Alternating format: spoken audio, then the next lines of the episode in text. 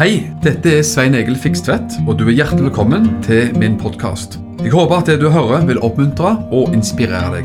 Ønsker du mer informasjon om arbeidet i drivet, så kan du gå til mission-alliance.org. Gud velsigne deg. Du, takk for det. Da eh, tar vi liksom en ny, eh, ny avdeling på det med litt samme emne, men eh, jeg skal si litt mer om eh, Israel, Jerusalem og jødefolket og litt sånt opplegg. Nå synker jo dette stativet sammen, du må ikke ødelegge det. PC-en min, altså. Sånn, nå har jeg stramt det til. Det går bra, tror jeg. Så skal si litt om, om de tingene, for det handler om også endetiden, og det handler også om misjon. Så eh, min egen vandring på det som har spesielt spesifikt så har med Israel å gjøre, da. Så har jeg jo alltid, alle av oss som er pinsekarismatikere og tror på Bibelen, vi har jo alltid vært pins, eh, ja, pinsevenner. Det har vi vært. Vi har vært Israel-venner. Jeg kan si jammen det der, eller? Er det, går greit? Så langt?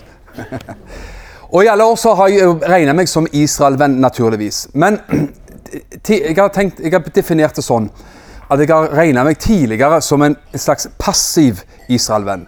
På den måten at jeg tenkte at andre kan prate om det, og andre kan eh, stresse med det, og andre kan ha meninger om det og eh, sette seg inn i det. Og, eh, og, men de senere år så har det blitt en økende interesse for meg. Og som noen vet, så er jeg jo med også å forkynne sammen med for den internasjonale kristne ambassade også av og til. Og det er jo bare en ære og en glede å få lov til å gjøre det. og, og sånt. Og eh, jeg husker ennå faktisk også den turen som jeg og Harald hadde til Israel. Det var rett dager før nedstengingen i 2020, mars 2020. Så var vi jo meg og Harald i eh, Betlehem og hadde pastorseminar for arabiske pastorer. Og eh, det var interessant. Det, altså kristne arabere som bor i Israel, men vi hadde jo pastorseminar da i Betlehem. Og interessant var det også da å være med og ha en dag og to inne i selve Israel der, og møte bl.a. arabere. Det må jeg si, det var sterkt å se. Jeg har ikke glemt Det er ofte sånne små møtepunkt med noen mennesker som du aldri glemmer.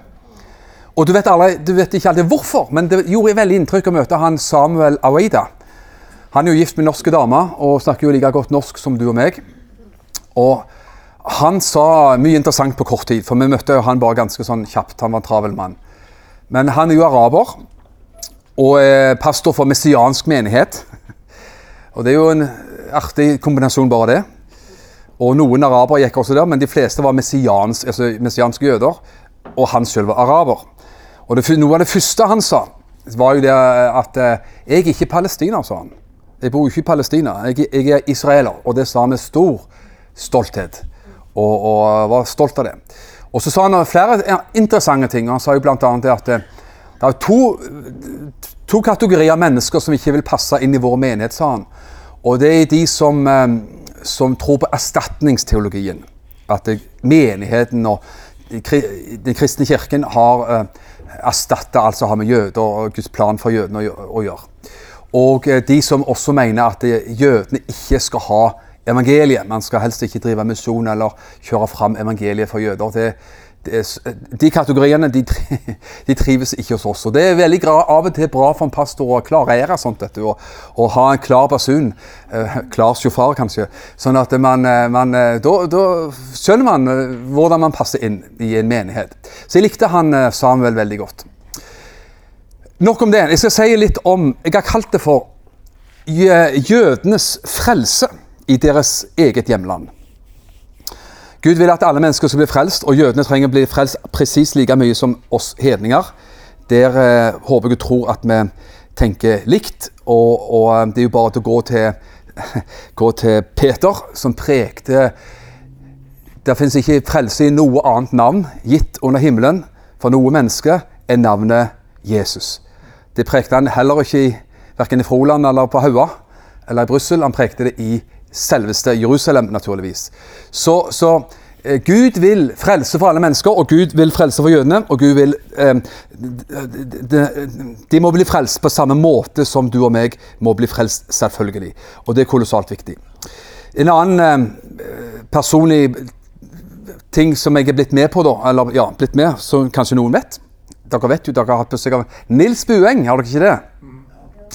Nils er jo en, en venn som jeg ble, blitt, ja, ble kjent med han for et par år siden. Vi har vært i Finnmark et par-tre ganger og, og, så videre sånn.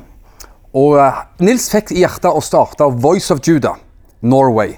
Og Det er en forgreining, en støttearbeid til pastor Israel Potgar i Ashtod Israel. Og som handler om å, å støtte hans arbeid med økonomi, med å invitere talere fra Israel til, til, til, norske menigheter og til å skape den forbindelsen mellom norske kristne menigheter og det messianske Israel. Og Det er jo en uh, skikkelig bra greie. Og Israel Potgar er jo en av de som kanskje ber med flest jøder til frelse. Og Det bør man uh, sperre øynene opp for og ta av hatten for også, for det er veldig, selvfølgelig veldig, veldig viktig, de tingene der. Så jeg skal ha lyst til å snakke litt om det også. Um, fordi det er jo, som jeg sa tidligere i timen, at det er jo en helt sjuk, absurd kamp om Israel og jødene og Jerusalem. Og, og, La oss bare holde oss til Jerusalem. Det er jo der Jerusalem representerer både jødene og Israel og alt sammen, så det er veldig enkelt. Men hva er det med denne byen som, som får folk til å bli eh, miste forstanden, miste hodet? Bibelen sier i Sakarias at det skjer jo. Man blir tumlen i, i hodet, man blir uklar i hodet. Man handler i affekt og gjør mye rart hvis man bare engasjerer seg i det som har med Jerusalem å gjøre. Men Jesus kalte jo Jerusalem for den store konges by. Matteus 5,35. Og Jesus sa, vi skal se på det, så jeg bare eh, annonserer det her og nå Jesus sa at eh, Jerusalem ikke for alltid skulle være under hedningenes hender. Det har vi sett gradvis oppfylt, og det blir enda mer oppfylt framover. Og at hans eget folk også skal ønske han en dag velkommen til Jerusalem. Den samme Jesus som dro opp fra Oljeberget, er den samme Jesus som kommer ned en gang tilbake igjen. Derfor så må vi skjønne det at det, den kampen, åndskampen som har med Jerusalem å gjøre, den, er, den handler, tror jeg, virkelig om den planen Gud har for den folket og det landet og den byen.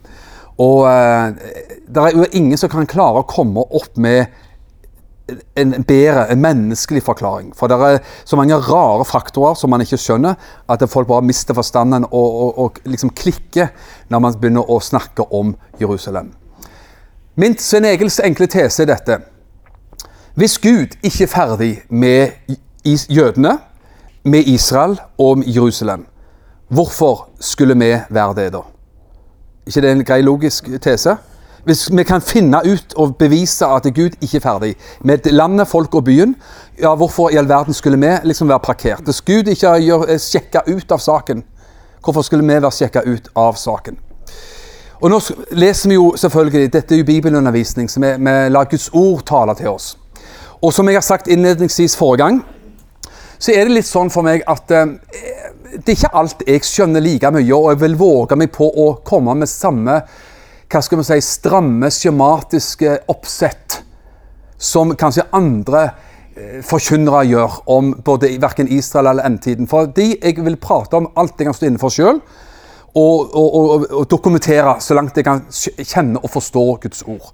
Så, så, må andre gå på det lys de har på det som har med endetiden å gjøre. Derfor så holder vi kanskje unna veldig sånne stramme, spesifikke eh, kanskje ting, da. Heller prøve å tegne av og til et litt mer over litt, Et dronebilde, et oversiktsbilde. Men noen skriftsteder taler utvetydig og kan, tror jeg, ikke tolkes på noen som helst annen måte enn det som jeg gjør i dag. Halleluja. Det var formodig sagt. Får du se om det stemmer, da. Apostelens gjerninger 1, vers 9-12. Vi leste litt av det forrige gangen, forrige eh, time. Galileiske menn var englene som sa det ved Jesu himmelfart. Hvorfor står dere, dere, hvorfor står dere og stirrer opp mot himmelen? Det samme Jesus som ble tatt opp fra dere til himmelen, skal komme igjen. På samme måte som dere så ham fare opp til himmelen. Da dro de tilbake hvis du lurer hvor de var hen, da dro de tilbake til Jerusalem fra det fjellet som er kalt Oljeberget, som er i nærheten av Jerusalem, en sabbatsreise derfra.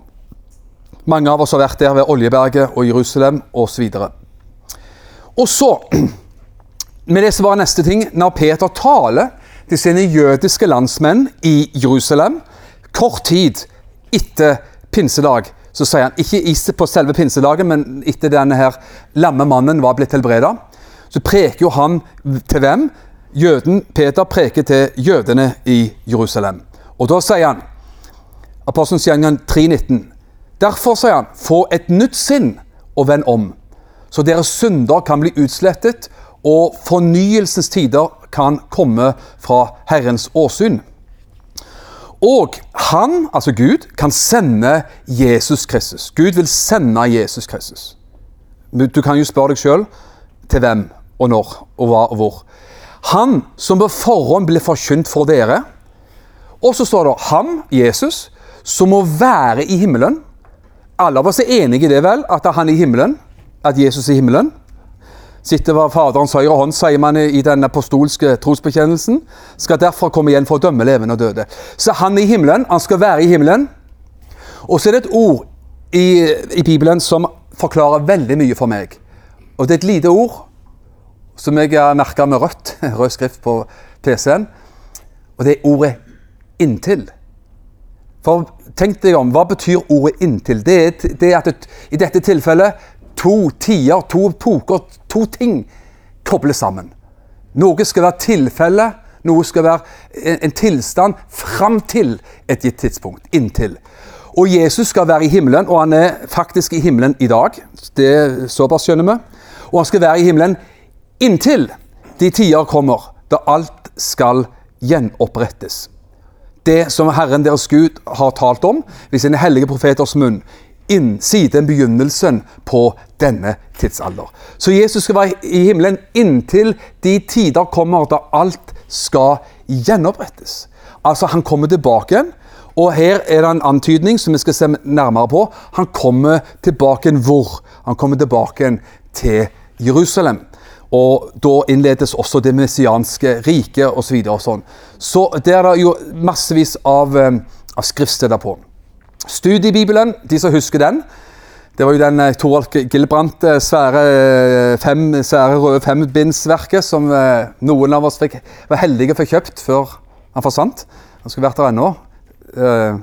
Studiebibelen, altså. Og Der er det sånn at den, der sier Jesus skal vende tilbake for å etablere det messianske riket. Jesus kommer tilbake, han er i himmelen inntil noe skjer. Ting gjenopprettes ting skal gjenopprettes. Og jeg tror den gjenopprettelsen skjer i Israel på forskjellig vis. Og det som angår oss i dag, og som er det viktigste, det er det som vi kan glede oss over, venner. Det er at Gud vil at jødene skal bli frelst. Gud vil at jødene skal oppdage og oppleve Jesus som sin Messias. Og det, det, bryr oss. Vi bryr oss om landegrenser og sikkerhet. Israel har lov til å forsvare seg, og det er såpass skjønner vi og vi skjønner alt mye annet også. Men i dag, her nå, så spisser vi dette inn og ta, taler om det som virkelig er spydspissen. Det er jo at Gud vil at hans eget folk, jødefolket, skal oppdage Jesus som sin Messias. For det har du og meg oppdaget, og det vil Gud at enhver israeler og jøde skal oppdage på forskjellig vis. Og det tror jeg i ferd med å skje. Og Derfor er det sånn at vi står veldig med på en spesiell måte også, de som jobber for det. Derfor er det interessant med Israel Potkar å høre og jeg, jeg har fått tolka for han flere ganger. Og i, på, i januar så var jeg tolka for sønnen til Israel også, oppe i Trøndelag. Og de forteller jo om en voldsom kamp de har hatt for evangeliet i en god del år. La meg nevne, Hvor mange har møtt Israel Potkar eller hørt han? Da kjenner du ganske mye til hans historie. Likevel, han flytta som ung mann fra Krimhalvøya, vokste opp altså i gamle Sovjet. Flytta som ung mann og tror han var også øh, stifta familie i den tida. Men dro til Israel med ung familie. Og uh, var blitt frelst på Krim der og gjennom den voldsomme vekkelsen som gikk fram på, i Sovjet på 90-tallet. Dro sammen selvfølgelig med mange andre jøder fra Sovjet til Israel i den tiden der. Og det var jo omtrent kanskje en million Eh, østeuropeiske jøder som emigrerte til Israel eh, under, på 90-tallet. Så var han evangelist i Tel, Aviv i eh, noen år. Ung mann, vet du, gikk gatelangs og prøvde å snakke med folk om evangeliet. Og det var ikke lett. Det var ingen enkel oppgave, altså. Det var lite interesse. og det var lite resultater. Så opplever Israel ganske eh, radikalt at han dro til byen Ashtod og fikk se et syn, fikk en åpenbaring, fikk kall, altså han så noe. Han fikk en som også Arild Edvardsen fikk sin store visjon her i områdene her, vet du, for innfødt evangelistmisjon, så, så fikk pastor Israel også se noe virkelig fra Gud. Overnaturlig. Om byen Astod, menigheter og en misjon ut fra den byen. Og eh, I dag så er jo det en virkelighet, men det har vært, det, det har vært en kamp på liv og død. Det har vært eh, voldsomme demonstrasjoner mot menigheten. Eh, med også trusler. Plakater i byen. 'Nesten wanted dead or alive'. altså med 'Denne mannen er farlig, holdt deg unna han'. Folk har fulgt etter han der han kjører hjem. og, og sånt. altså Folk har vært truende. Ultraortodokse jøder har vært veldig truende. Og, og, det har vært eh, veldig veldig, veldig tøft altså på alle vis. Men de har stått løpet og har vunnet også fram i en del rettssaker. Så de har også, um, de har også uh, fått fred og, virke, og virkero mer enn en før. Det er godt. Men det er også kamp på disse tingene nå i Israel forslag om at det skal være forbudt med Nytestamentet. Ingen eh, jøder skal konverteres. og Deler du troen på Jesus, så kan du få fengselsstraff. Det er jo stadig sånne forslag som legges på bordet også i nasjonalforsamlingen i Israel. Og det er jo eh, ikke bra på noen som helst måte. Esekiel 36, 24-28 sier sterke ord. For jeg skal ta dem fra folkeslagene og samle dere fra alle landene. Og jeg skal føre dere inn i deres eget land. Klarere kan det jo ikke sies. Så, står det, skal jeg stenke rent vann på dere, så dere skal bli rene. Jeg skal rense dere fra alle deres urenheter og fra alle deres avguder. Jeg skal gi dere nytt hjerte og gi dere ny ånd i deres indre. Det er en beskrivelse av den nye fødsel som du og meg har opplevd. sant? Men her profeteres det om at dette skal også jødefolket oppleve. Jeg skal ta steinhjertet ut av deres kjød og gi dere et hjerte av kjød. Jeg skal gi dere min ånd i deres indre, og jeg skal gjøre det slik at dere vandrer etter mine lover, så dere holder mine dommer og gjør etter dem. Da skal dere bo i det landet jeg ga deres fedre, og dere skal være mitt folk, og jeg skal være deres Gud. Det vi ser her nå, folkens, før var det mange som sa og eh, mange har gått tilbake på det. og man, igjen, så Det er lett å si ting ved brå, kjapp på forhånd og si at det er sånn og sånn. vet du. Og så ser vi at te, tegningen blir litt annerledes. Mange sa før Israel fikk landet sitt, at de kan ikke få landet sitt tilbake igjen før jødene tar imot Jesus. Så får de landet sitt tilbake igjen. Det var mange som sa det. Men så har Gud gjort det sånn at han også sier her jeg skal føre dere til landet og så skal jeg stenke rent vann, rent vann på dere. Jeg skal føre dere tilbake til landet, og så skal jeg utgyte min ånd og gi dere et nytt hjerte. Og det er noe av det man har fått lov til å se, og ser stadig vekk mer av i Israel. Og Derfor er det jo gøy å være med på det. Gøy å leve i de tider vi lever i nå, og se at evangeliet vender tilbake til utgangspunktet. Og det er jo ikke så dumt. Hør hva Jesus sier. Og dette må ha vært kolossalt radikalt eh, for de som hørte dette fra Jesus. Jesus prekte om de siste tider i Lukas 21, også i Mattes 24. Men nå leser jeg fra Lukas 21, 24. Og Jesus snakker om mange ting som skal skje. Eh, jordskjelv, hungersnød og mange ting. Og så, han, og så snakker han om sitt eget folk. Så sier han de skal falle for sverdets egg og bli bortført som fanger til alle folkeslag. Tenk deg det. De som Jesus talte til, det var jo hovedsakelig disiplene sine. De kjente sin historie. De visste at 600 år siden den gangen så hadde vårt eget folk blitt bortført til Babylon pga. ugudelighet. Så de kjente jo sin historie. Og så var israelsfolket i 70 år i Babylon og kom tilbake igjen. Og det, Jeg liker å lese Nehemja, Esra, disse, disse bøkene som forteller om den tiden. Oppbyggelsen av Jerusalem, oppbyggelsen av landet. Og så ser man bare ved å lese de bøkene, så ser man jo komisk, om du vil, parallell til den tiden vi lever i nå. faktisk. Motstanden og på en måte byggetrangen som, som jødene har for å bygge opp landet sitt. Så, Men se for deg de tolv disiplene som hører, som vet om sin på tøffe historie. Vi ble bortført i år 600 før Kristus til Babylon. Og de har jo skrevet er jo sanger, salmer som handler om det, med, eh, i Salmenes bok, hvordan de opplevde det, eh, hvor vondt det var å være der. Så kommer de tilbake igjen og bygde opp landet og murene, byen og alt mulig, tempelet. Og så sier Jesus Da var Jesus eh, tøff, altså. Folkens, det kommer til å skje en gang til, sa han. En gang til. Ting skal bli ødelagt. Dere skal sendes ut til andre eh, folkeslag faktisk. Og Jerusalem skal være bort, sier han. Og Jerusalem skal være nedtrampet av hedninger. Og da har du sin Egils favorittord igjen. Inntil hedningens tider er oppfylt. Jerusalem skulle være under hedningenes dominans og under fot eh, til, til hedningene. Fram til hedningenes tider er over. Og da spør, Det er jo en veldig konkret ting, for alle av oss vet jo nå, igjen, det er lettere å se det i ettertid. Alle av oss vet i dag at Jesu profeti gikk i oppfyllelse i år 70. At de ble bortført. Er du enig i det? Og at Jerusalem skulle være nedtrampa av hedninger. Det, alle som kjenner historien, vet at det har skjedd. Og så sa Jesus Men det skal ikke være sånn for alltid. For Jesus hadde et bra ord, vet du. På hebraisk da, eller kanskje aramesk, Inntil. Hva det er på aramesk, det vet ikke jeg. Det får du finne ut sjøl. Inntil. Altså, det skal ikke være sånn for alltid. Og så ser vi jo det, og jeg tolker det på denne måten. I 1948 så ble jo Jerusalem Deler av Jerusalem ble, de, ble, ble kommet under jødenes herredømme. I 1967 så kom resten av Jerusalem under jødenes herredømme i, i, i seksdagerskrigen. Øst og vest. Eller vest og øst.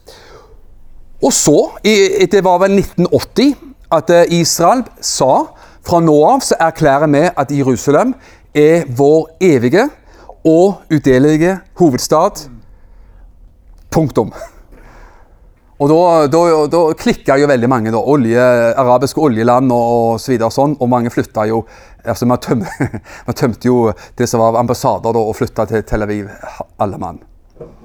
Og så, Jeg tolker dette også som en del av eh, opplegget. Nå har vi snakket om 1948, 1967, 1980 og desember 2017. Så var det en eh, viss mann i USA, president, som sa at eh, fra nå av så erklærer vi at eh, Jerusalem for vår side er jødenes Israels hovedstad. Punktum! Ferdig snakka. Og vi flytter vår ambassade eh, til Jerusalem fra Tel Aviv. Og da, i forkant av det, så var det jo òg trusler om eh, nesten sagt tredje verdenskrig, men den har i hvert fall ikke kommet til nå. Kan jo komme siden, men den har ikke kommet til nå. Folkens, jeg tror at det, dette kan ikke misforstås. Dette er jo, det, Jesus profeterte om en ny eh, diaspora. Han pre, prekte om en ny adspredelse inntil. Og den inntilen den har jo begynt å gå i oppfyllelse spesielt da fra 1948, så har jøder fra 150 land cirka, kommet tilbake til Israel. Og hvis vi skal tro i eh, Esekiel 36, som vi leste, så har Gud kalt sitt folk tilbake fra alle land fordi han har en plan. Hvilken plan? Sikkert langt flere planer enn det jeg klarer å forstå, og du klarer å forstå. Men vi skjønner i hvert fall én ting. Gud vil til enhver tid at mennesker skal bli frelst. Ja. Og Gud vil selvfølgelig Jødene er jo ikke noe unntak fra det. Tvert imot. Gud vil minst like mye, om det går an å si det sånn, at hans eget folk skal bli frelst. Tenk på Paulus. Ro, eh, Romerne 9, 1. Jeg tror jeg har det her, men nå tar jeg det på, på hodet. Romerne 9, 1, så er det interessant å tenke på hva Paulus plutselig fyrer på med der. Nå skal vi spole litt mer tilbake til Roman 8. Slutten av Roman 8 det er jo eh, fantastiske vers. Hvem kan skille oss fra Kristi kjærlighet? Død, engler eh, ja, eh, blar opp, vet du. Kan eh, Sult, forfølgelse, nakenhet, angst, sverd, eh, alt mulig. Han blar opp alt mulig. Kan noe av det skille oss fra Kristi kjærlighet, sier han. Han bare spør. Svaret gir seg sjøl, da. Og han sier til slutt også Jeg er viss på at ingenting, engler, krefter, død, liv, alt mulig, skal kunne skille oss fra Guds kjærlighet, den som er i Kristus Jesus. Så Paulus var jo veldig berusa. Han var jo skikkelig på en høyde altså, på Guds kjærlighet. Kan du, med, med, du og meg òg være. Så er det merkelig. Fra å være helt der, altså bare juhu, Guds kjærlighet, altså, det er tingen. Til at eh, Så trekker han bare pusten, og så går han inn i kapittel 11, eh, kapittel 9. Og så sier han plutselig Så er det stemningsskift hos Paulus. Så sier han Jeg taler sannhet i Kristus. Jeg lyver ikke. Min samvittighet vitner med meg og bekrefter det i Den hellige ånd og, og, og smører på med tjukke, tjukk skrift. At jeg har en stadig nød i mitt hjerte. Og sorg. Fra Roman 8, Guds kjærlighet, og ingenting skal skilles fra Guds kjærlighet. Halleluja, altså. Prise Gud og Abba og alt mulig. Til at han sier 'Jeg har så nød', sier han etterpå. Jeg har så nød for mitt eget folk. Og hvis jeg, jeg liker å fantasere litt når jeg leser Guds ord Og det er som om Paulus sier, hvis jeg skal legge mitt eget mellom linjene Det er som om Paulus sier at det, Hvis han hadde hår, da, så akkurat som han river seg i håret og sier Hvorfor har ikke mitt eget folk opplevd det jeg preker om nå? Hvorfor har ikke mine egne landsmenn opplevd det jeg preker om i Roman 8? Og hele Romerbrevet? Hvorfor, hvorfor har mitt eget folk Hvorfor er de så blinde? Hvorfor har ikke de fått tatt, opplevd det som jeg har opplevd? Så kjenner Paulus på at den nøden og sorgen river hardt i Paulus. Og så sier Paulus videre de, det var jo de som skulle ha det først, sier han. De tilhører paktene og barnekåret og herligheten og, og, profetene og alt sammen. Han liner opp med en masse ting og sier det, det var jo de som fikk alt sammen. Og fra de så har Jesus Kristus kommet i kjød. Det kommer jo fra de alt sammen. Og så har de gått glipp av hele, hele herligheten, hele, hele, pakken. Og så er det sånn Paulus tenker Er det mulig? Det var min tolkning. Jeg innrømmer det. Og så liner Paulus opp, og så sier han jo da siden at og, reflekterer over dette her. Og så konkluderer Paulus veldig veldig sterkt med selvfølgelig også senere da, om dette med som har med eh, hvordan evangeliet skal tilbake til det jødiske folket. Og Han konkluderer jo med flere ting som er veldig sterkt. Han sier, og det må vi ta med oss som sanne Israelsvenner Jeg har noe på skjermen, noe tak utenom, så du får mikse det sjøl. Romane 11, 25-27 kan vi i hvert fall ta. Romane 11, 25-27. Det er jo noe av konklusjonen til Paulus. Der han sier For jeg vil ikke, brødre, at dere skal være uvitende om denne hemmeligheten så dere ikke skal være kloke i egne øyne. Altså, Paulus vil åpenbare en hemmelighet. Og du vet, En hemmelighet er jo noe Hvis jeg har en hemmelighet, så vet jeg noe som du ikke vet. Det er jo det som er hemmelighet. Så Paulus sier jeg vet, jeg vet om en hemmelighet, sier han. Jeg har fått noe åpenbart som jeg nå skal dele. Sånn at, og da er det ikke lenger en hemmelighet, for da er det jo åpenbart. Så han sier at Nemlig at forherdelse har rammet en del av Israel. Og så kommer ordet igjen, vet du. Inntil fylden av hedninger er kommet inn. Altså løftet om, ikke bare hint, et løfte om at, eh, at Israel skal bli frelst. Fylden av hedninger skal komme inn. Og fram til da, og igjen så det gradvis, og det skal vi se på Eh, fram til dette så, så, er det sånn at eh, evangeliet går ut til folkeslagene. Som vi sa i forrige time, deriblant Israels erkefiende Iran. Og så skal Israel bli frelst. Og Derfor så tenker jeg at som, som, gode kristne og som gode endetidsfolk, for å si det sånn, så tenker jeg sånn at vi skal igjen, være litt sjeløyd, om du vil. og Vi skal ha ett øye fokusert på Israel, jødene og en, uh, Midtøsten, og, og, følge med på hva som skjer der. Men vi også ha et annet øye, alltid, på folkeslagene. Hedningene. Hedningenes frelse. Alle menneskers frelse. Misjon, på godt norsk. Misjonsbefalingen. Vi er nødt til å ha et øye både her og der. Og Vi må ikke ha begge øyne bare på ett sted, men vi er nødt til å klare å ha ett øye og ha flere tanker i hodet samtidig, og flere perspektiver med oss eh, samtidig. Og Her sier Paulus hedningen skal komme inn i fullt tall. Og slik, eller således, skal hele Israel bli frelst. Som vi allerede har lest, ordet 'inntil' et fantastisk ord i den sammenhengen. Mattes 23, 37, så sier også Jesus noe om Jerusalem. Så også gir oss et veldig klart bilde av, spesielt når vi leser disse tingene sammen, så tegnes det for oss et veldig klart bilde av at Gud vil jo at alle mennesker skal bli frelst, og det inkluderer jo jødene, selvfølgelig. Og at det der finnes spesifikke eh, ord og løfter på at det skal skje. Mattes 23, 37. Jerusalem, Jerusalem, hun som dreper profetene og steiner dem som er sendt til henne. For ofte vil jeg ikke samle sammen dine barn, som en høne samler kyllingene sine under vi, sine vinger. Men dere ville ikke. Og det er jo trist. Og det var jo sant også, at i, store, i det store hele så, så, ville man jo ikke den gangen. Men det, så er det igjen så, så, det er som om Jesus sier etterpå da, at folkens, med siste ord ikke sagt. Bare vent og se. Neste gang, altså, sier Jesus, så blir det bedre. For han sier, se, deres hus etterlater dere øde. Igjen profeti om Jerusalems ødeleggelse. Og så kommer det som kommer etterpå.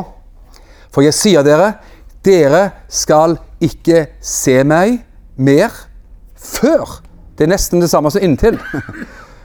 Dere skal ikke se meg før dere sier 'Velsignet være Han som kommer i Herrens navn'. Hva er det Gud gjør? Gud samler, Gud har gjenoppretta landet og byen. Jøder fra hele verden kommer til Israel, og man har sett det skal få litt tall snart, og man har sett at det antall Messias-troende jøder er økende. Det er fantastisk. Og, og Jesus sier også her at eh, huset deres, byen Jerusalem, skal bli lagt øde. Men det kommer en tid der dere skal si 'Velsignet var Han som kommer i Herrens navn'. Og Derfor er det sånn at vi, vi, gleder oss over det og er med og heier på det og ber om akkurat det. Så at Israel, jødefolket, skal oppdage Jesus som sin Messias. Det er jo en, en internasjonal eh, organisasjon den består av eh, eh Messias-troende jøder. One for Israel. Eh, eh sammen om Israel, eller ett et for Israel, kanskje på norsk. One for Israel. De har, hadde en undersøkelse om dette i 2018. Det er jo ikke så mange år siden. Og Da sier de at i 1948, ved statens opprettelse så Jeg kan nesten le eller grine, men da var det altså 23 Jesus-troende jøder i Israel. Det var ikke så mange folk heller, da, men det var, det var en million i hvert fall. Så, eh, så, så, uansett var det jo ganske, ganske få jøder. Da. 23. Det er liksom et par bord her, liksom. I et helt land som trodde på Jesus. I 1989 da kommer det opp til vår tid, i hvert fall. Som, at alle av oss husker det. I 1989 var tallet steget opp til 1200 eh, messianske jøder i Israel, fordelt på 30 menigheter. 30 menigheter. Ikke så mye det heller, men det er jo klar bedring. I 1999, ti år etterpå, så der ser det kolossalt mye, da var tallet på Jesus-troende jøder økt til 5000.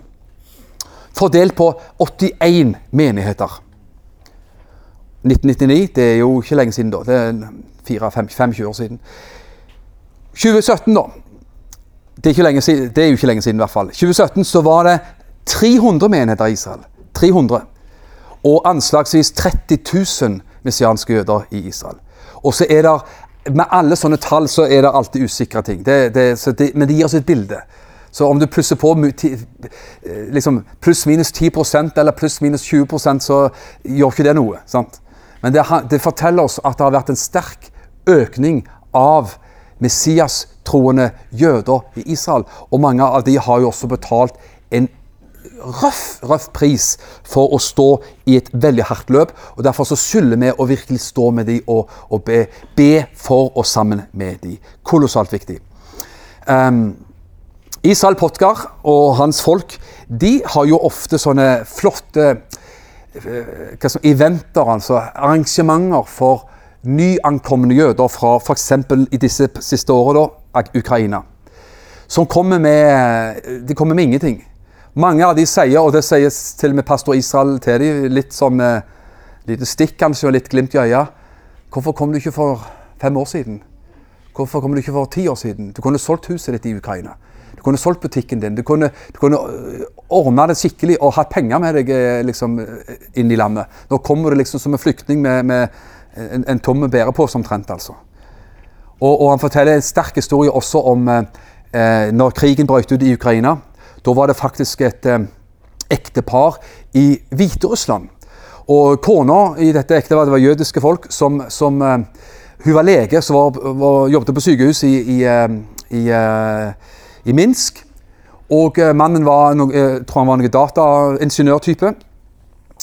Så blir denne kona her, da, som jobber på sykehus, kirurg, hun blir egentlig beordra til å reise til Øst-Ukraina for å pleie og reparere um, russiske soldater. Selvfølgelig ikke ukrainske, men beordra til å dra ut og hjelpe Russland på den siden der. sånn. Og, og sånt. Og da får hun skikkelig panikk. Jeg ble beordret bort til krigen for å hjelpe til med russiske soldater og være lege der. Så forlater rett og slett bare sykehuset i all stillhet der hun jobber. Drar til mannen, får tak i mannen på sin jobb forteller hva som er i ferd med å skje. Så de, de sier ingenting. De forlater jobben sin, henter ungene ut av skole eller barnehage og bare bestiller billetter via, via Georgia, tror jeg det var, og flyr ender opp i Israel med ingenting. Men de har jo god utdannelse. Men, men skjønner det at det nå er det på tide å forlate der vi er nå, uh, og dra og starte livet helt på nytt. Pga. de forferdelige forhold da, som, som, vi kjenner da, som skjer i Hviterussland, eller hva heter det nå, Belarus, og Russland og hele, hele opplegget der. sånn. Og så forteller Israel Potkar at når de har sånne arrangementer for nyankomne jøder, de hjelper dem med mat og klær og husly og steller så godt med dem som de kan, så har de også store arrangementer. Viser de i Jerusalem og er litt guide og hjelper de til å finne seg hjemme i landet. og Hjelper de på et bredt plan.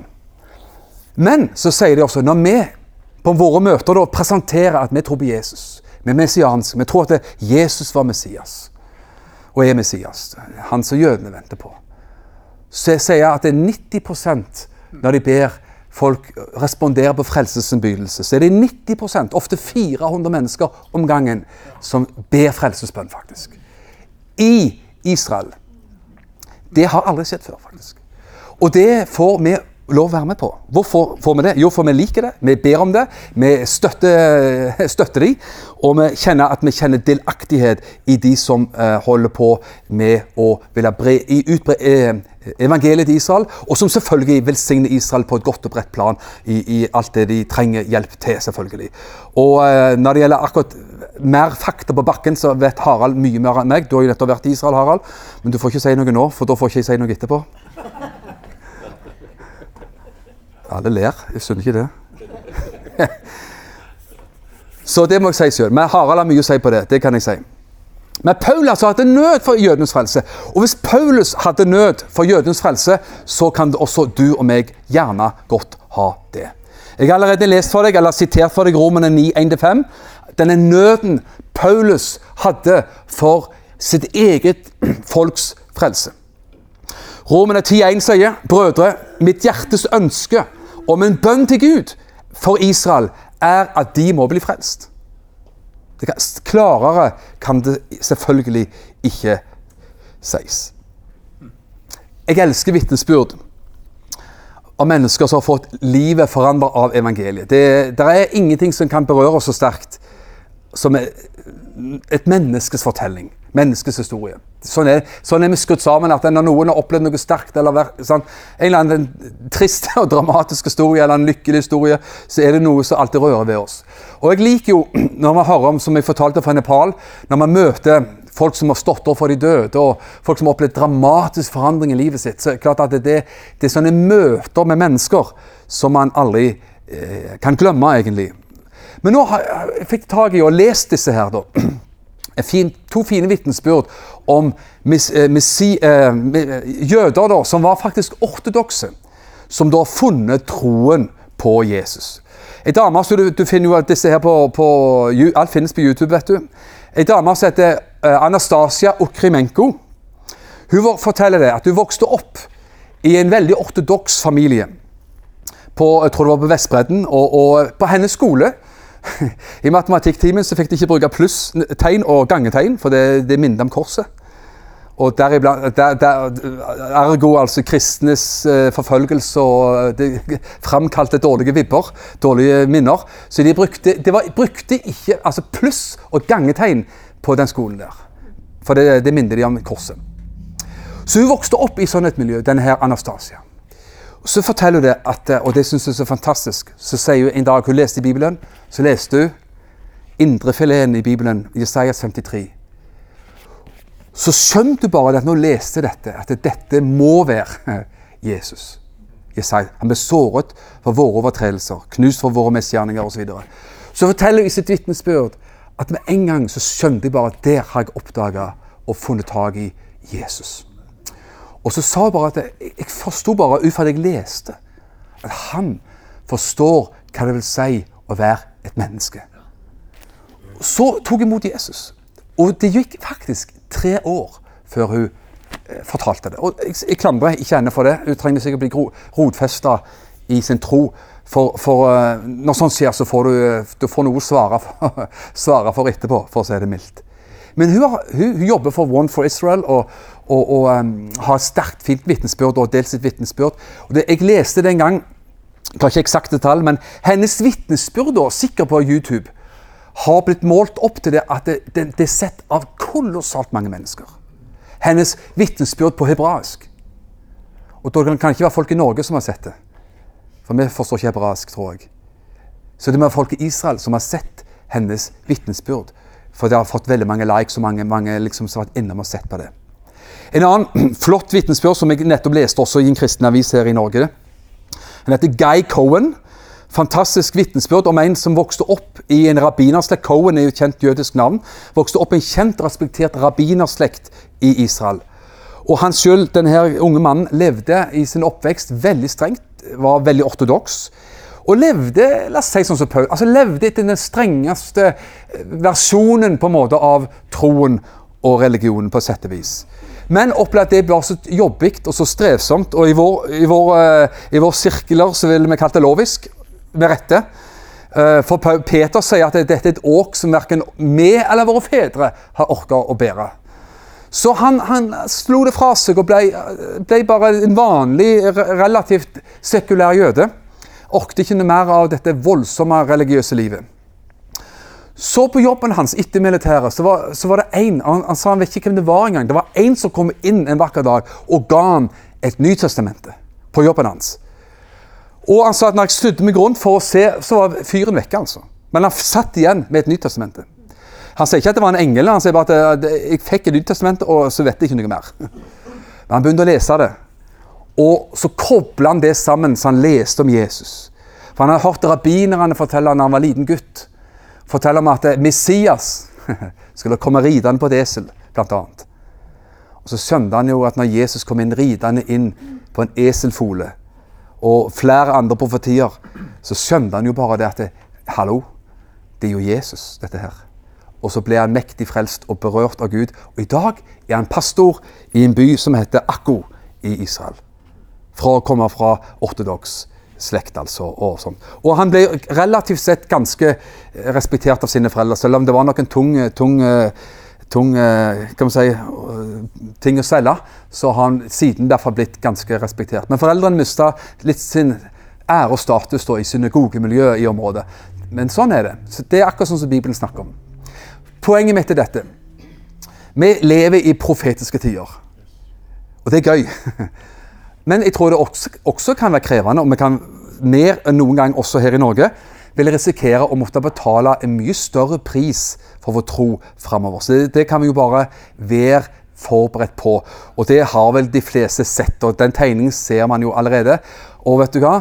Du og meg er ikke sånne som forandrer på Guds ord fordi at Dagbladet syns at det burde vi. Halleluja. Jeg har vel lyst til å si mye nå, altså.